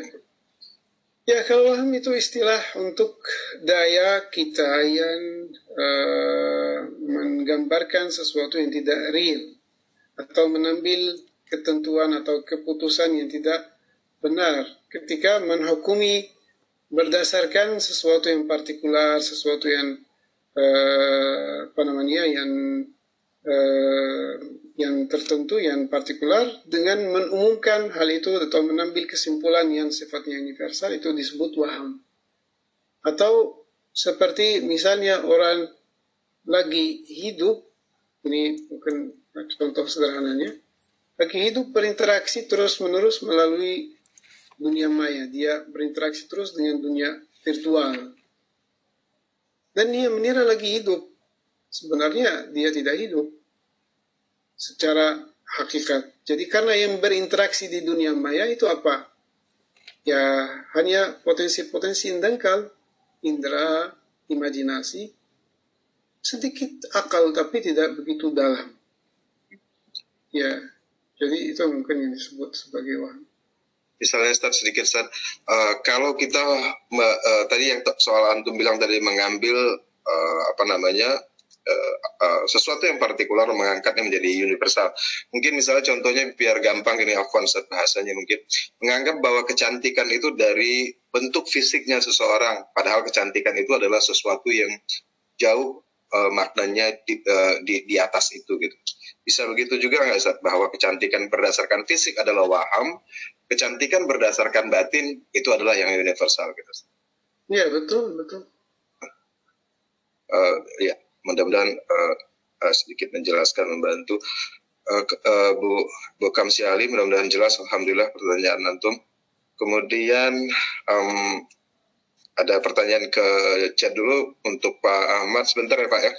Standby dulu. Ada pertanyaan di chat dari eh, Pak Aka. Afwan Ustaz. Eh, ini sudah tadi eh, Pak Andri pertanyaannya Assalamualaikum warahmatullahi wabarakatuh. Afwan. Masih dari buku Junudul Akal wa Jahal. Apakah syukur dan ridho itu sama atau berbeda Ustaz? Ya, beda karena dua makam yang berbeda, syukur dan rida. Jadi, rida sebagaimana disampaikan kemarin bahwa rida adalah men, eh, di mana seorang manusia eh, menerima atau senang hati dengan senang hati terima apa yang ditentukan Allah Subhanahu wa taala. Itu makna dari ridha. Kalau syukur itu men, e, berterima kasih kepada Allah Subhanahu wa taala atas dia apa yang dia berikan dengan menggunakannya sesuai dengan perintah Allah Subhanahu wa taala. Hmm. Alhamdulillah. Mudah-mudahan jelas Pak Andri. Kemudian ke Pak Ahmad Mujahid, silakan Pak. Terima kasih. Assalamualaikum warahmatullahi wabarakatuh. Waalaikumsalam warahmatullahi wabarakatuh. Rahmat. Uh, Apaan Ustadz? Uh, saya pertanyaan saya, apakah setiap makam seperti memiliki hijabnya tersendiri? Uh, yang kedua, uh, apakah pada setiap makam, misalnya keterjatuhan seseorang pada setiap makam, mungkinkah dia justru dalam keterjatuhannya itu dia bisa melihat uh, issatur rububiyah dan terus dia juga bisa menyadari sulul ubudiyah. Tabe. Terima kasih. Ya, terima kasih Pak Ahmad. Ya, memang eh, setiap makam, setiap derajat dia di, di situ ada hijab. Dia harus eh, menebusnya dan harus eh, men, apa namanya men, berusaha untuk tidak tinggal di situ. Jadi walaupun dia akan menjadi makam, tapi walaupun makam itu eh, bukan menjadi eh, apa dia tidak berhenti pada pada makam tersebut. Kalau dia berhenti pada waktu itu, dia akan menjadi hijab bagi dirinya. Eh, Terus yang juga perlu di eh, sebagaimana disampaikan dalam Manazil Sairin bahwa setiap makam kita akan sadar masalah-masalah yang ada di makam di bawahnya dan kita berusaha untuk memperbaiki maka apa namanya masalah-masalah kita pada makam yang di atas dan sambil uh, menjalani makam itu untuk naik ke makam berikutnya. Dan begitu terus begitu terus. Jadi kalau orang masih merasa bahwa dia sudah selesai sudah beres dengan sesuatu maka dia terhijab. Jadi oleh karena itu misalnya taubat itu berlaku untuk semua makam. Di mana ah, makam apa pun ada harus ada taubat. Taubat dari uh, kekurangan-kekurangan yang terungkap ketika kita pada satu makam. Jadi orang salik tidak pernah atau tidak uh, pernah puas dan tidak pernah merasa bahwa dia sesudah um, uh, lepas dan sudah selamat dari kekurangan dan dari dari masalah. Bahkan semakin ke atas, semakin naik makam, semakin aib-aib itu akan terungkap dan menjadi jelas. Karena kita kan masih di bawah, masih belum melihat aib-aib kita, belum melihat kekurangan-kekurangan kita. Ya, jadi uh, bisa jadi satu makam bisa menjadi hijab. Nah, poin yang kedua juga sangat penting dan begitu uh, juga kadang-kadang Allah SWT menuji hambanya dengan jatuh. Ketika terjatuh manusia, itu adalah ujian supaya dia sadar bahwa dia tidak bisa apa-apa dan uh, bukan dia yang lagi naik makam, bukan dia yang lagi mencapai, tapi itu karena pertolongan Allah SWT, karena taufik dari Allah SWT. Maka kadang-kadang orang Allah SWT ketika um, uh, kasih sayang dengan seorang manusia dikasih dikasih uh, apa istilahnya oleh-oleh ketika dia jatuh dari suluk supaya sadar bahwa dia adalah hamba yang tidak bisa apa-apa untuk merasakan dulul ubudiyah itu. Sedangkan kalau orang terus-menerus tidak mengalami hal itu dan terus-menerus uh, naik dan merasa dia mencapai, itu adalah istidraj. Istidraj itu bahaya sekali. Ya, mungkin uh, sekian dari saya Pak Ahmad. Semoga menjawab.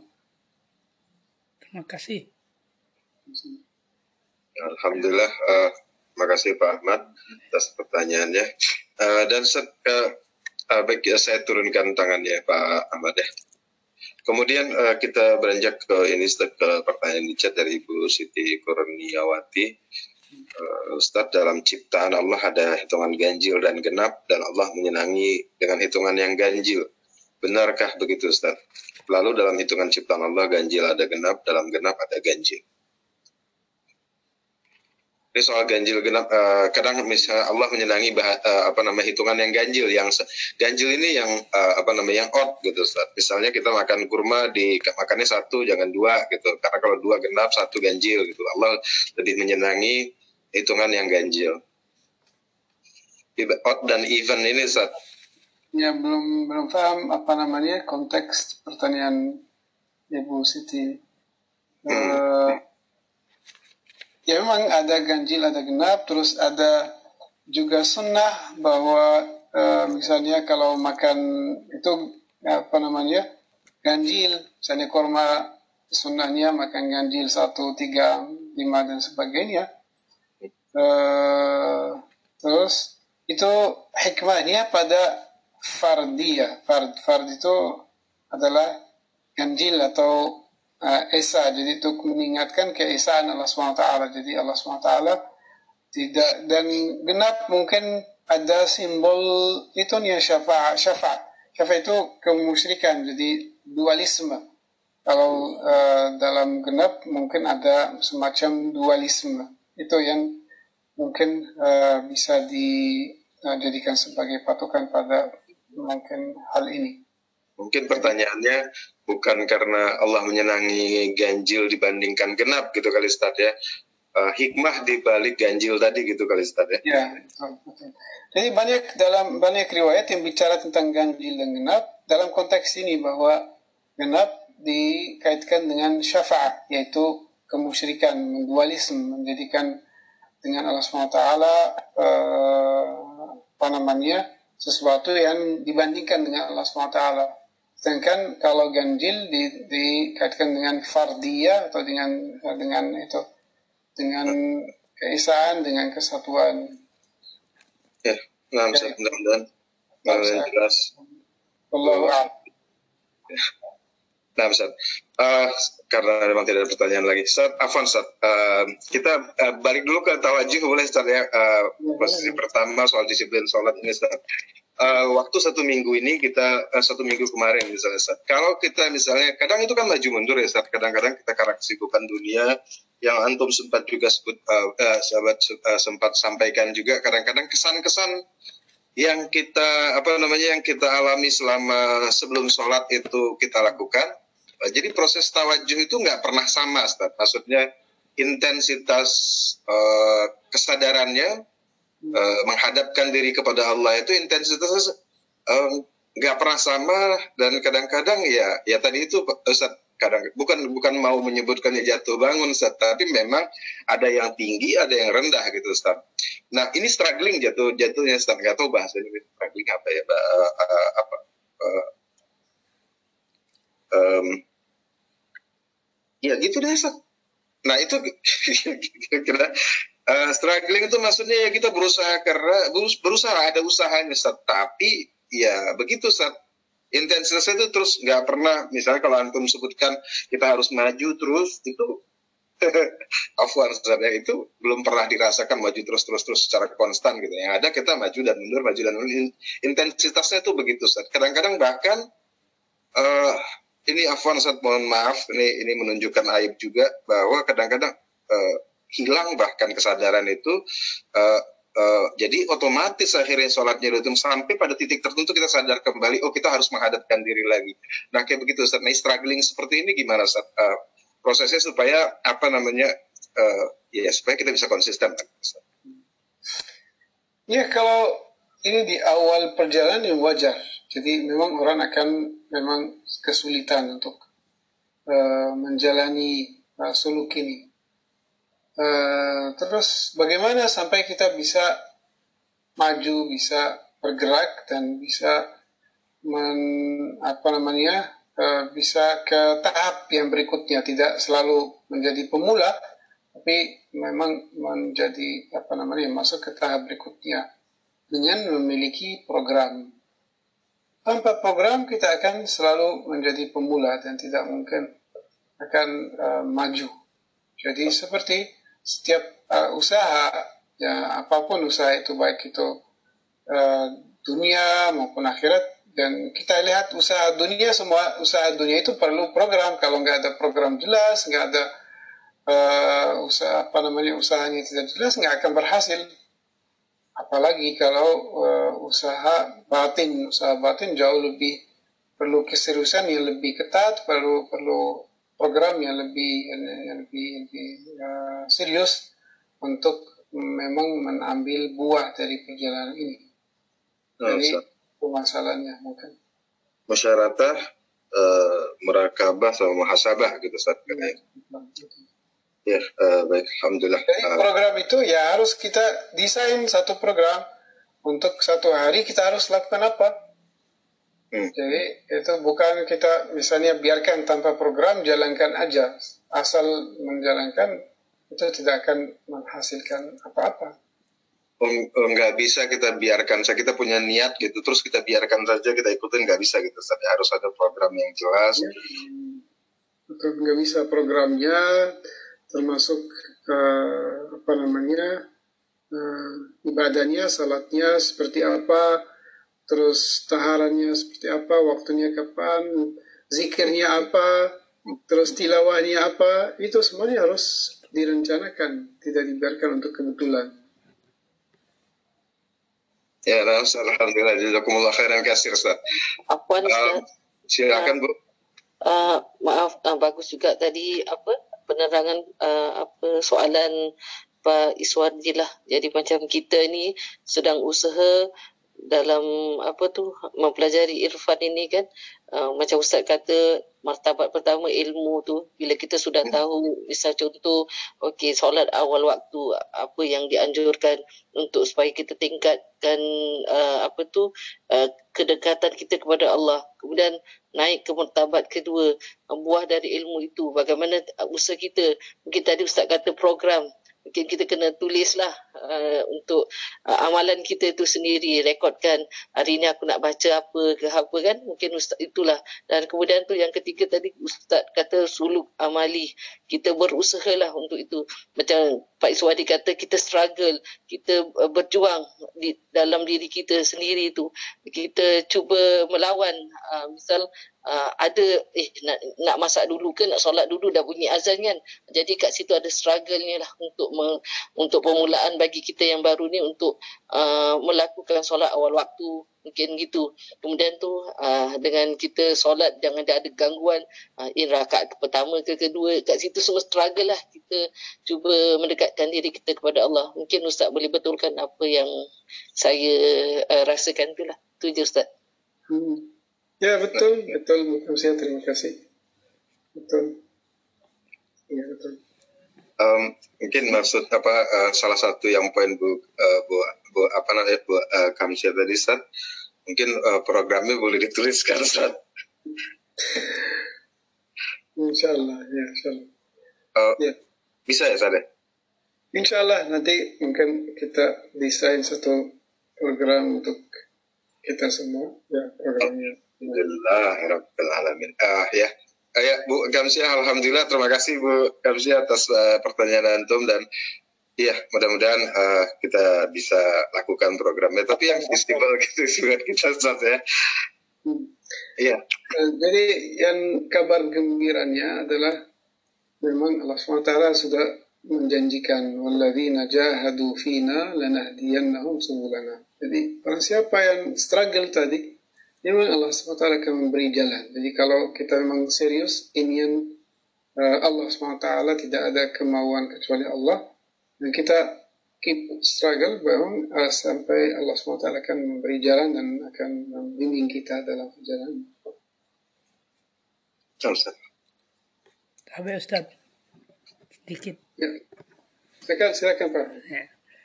Eh, ini mungkin problem yang saya alami ya.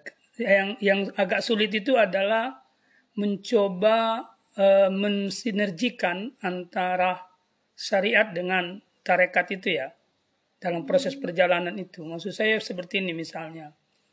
Eh, misalnya kita ingin eh, apa salat di awal waktu, tapi pada saat yang sama kita ingin berada pada kondisi yang sangat eh, hadir bersama Tuhan. Misalnya kita menghadap paling tidak kita merasa diawasi Tuhan ketika eh, waktu salat. Uh, bisa ndak misalnya kalau dalam sedia kan awal waktu tapi kan waktu salat itu kan ada limitnya ada limitnya eh, waktunya berakhir sehingga kadang-kadang kita lebih eh, perlu memilih waktu tidak di waktu awal justru mungkin di waktu pertengahan karena ketika di waktu awal kondisi kalbu itu ndak ndak ndak setenang untuk bisa bertawajuh kepada Tuhan dengan secara maksimal atau atau tidak paling tidak persiapan untuk bertawajuh kepada Tuhan itu belum sekuat ketika kita undur sedikit dalam waktu pertengahan atau mungkin dalam waktu akhir begitu Ustaz. Jadi eh, bersinerginya syariat dengan dengan tarik, eh, proses suluk itu. Itu yang mungkin eh, eh, contoh lagi misalnya eh, saya kadang alami ini jadi misalnya kadang-kadang ada target sikir saya di waktu subuh tetapi ketika saya dalam proses eh, sholat tertentu itu, misalnya sebelum subuh, ada satu pengetahuan yang misalnya terlintas. Nah, itulah kemudian saya harus nulisnya gitu. Saya harus nulisnya karena kapan tidak saya tulis, saya lupa itu. Nah, misalnya saya lupa tulisan itu, eh, akhirnya zikir yang target itu kemudian tertinggal. Nah, itu. Jadi mensinergikan dua ini yang kemudian agak agak masih membingungkan itu Ustaz saya. Terima kasih.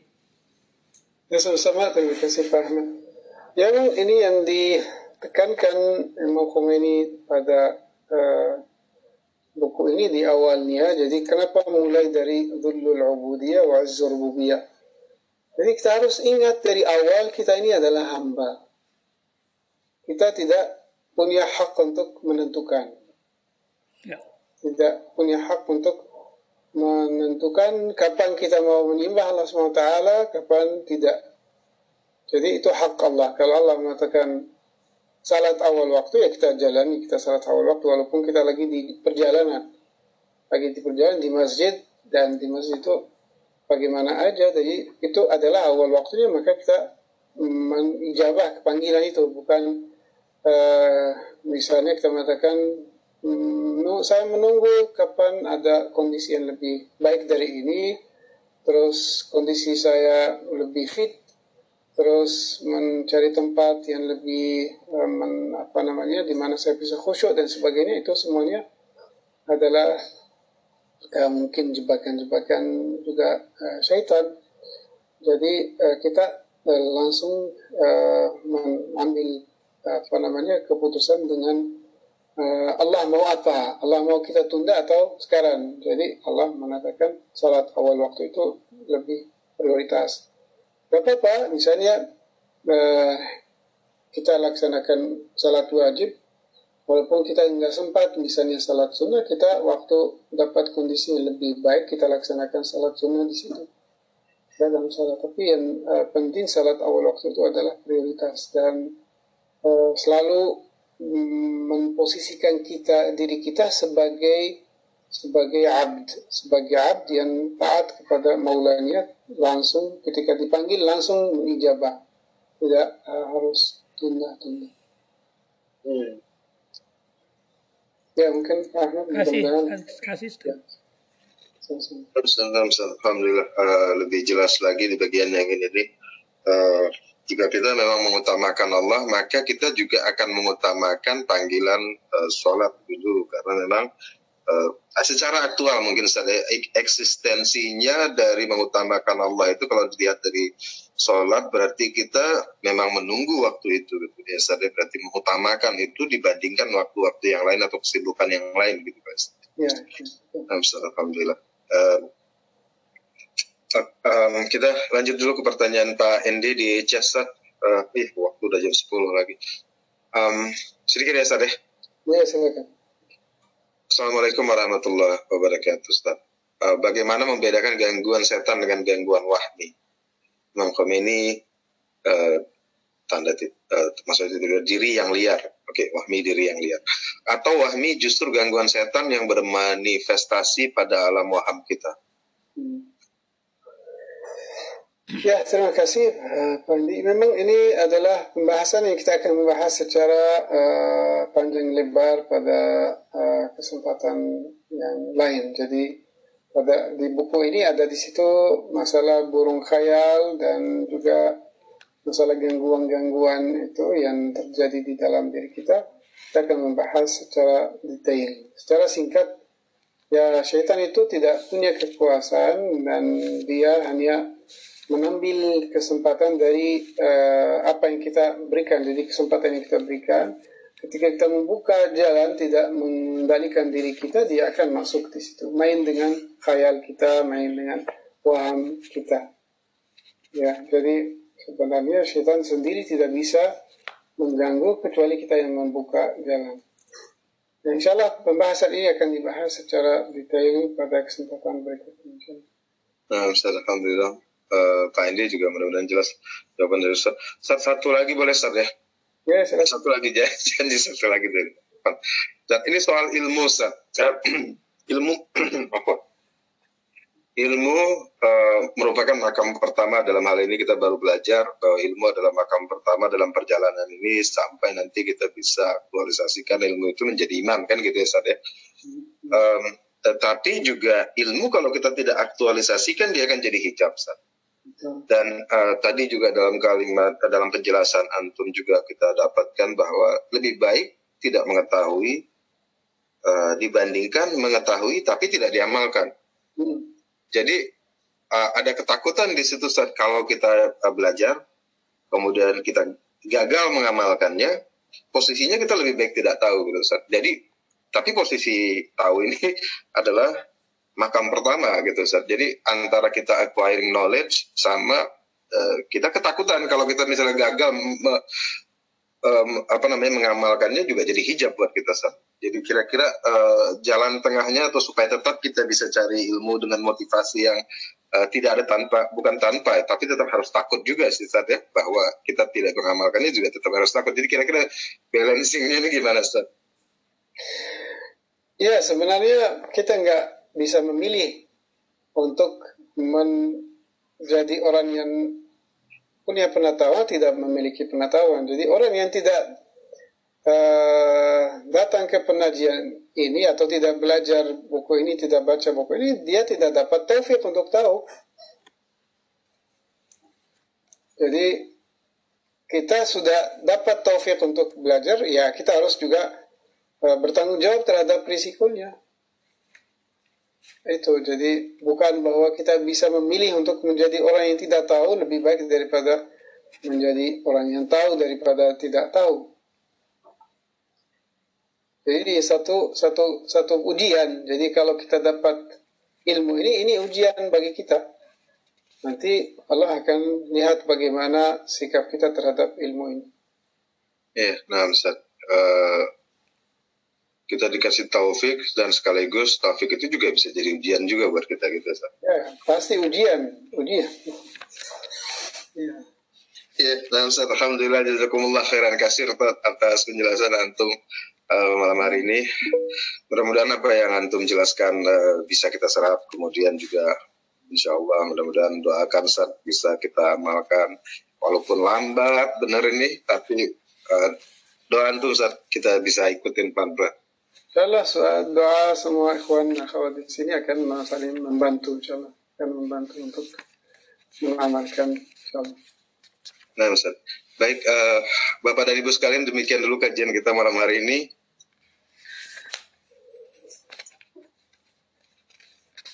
Ya, sebelum kita tutup, uh, kita kita bacakan Al-Fatihah, kita hadiahkan kepada Rasulullah Sallallahu Alaihi Wasallam, juga kepada para imam, juga kepada ulama kita terutama Imam ini dalam hal ini dan juga untuk Ustaz Abasi semoga Allah mengangkat derajat beliau ke tempat yang lebih tinggi dan memberikan kelancaran kemudahan uh, untuk segala urusan beliau uh, dunia dan akhirat. Al-Fatihah ma'as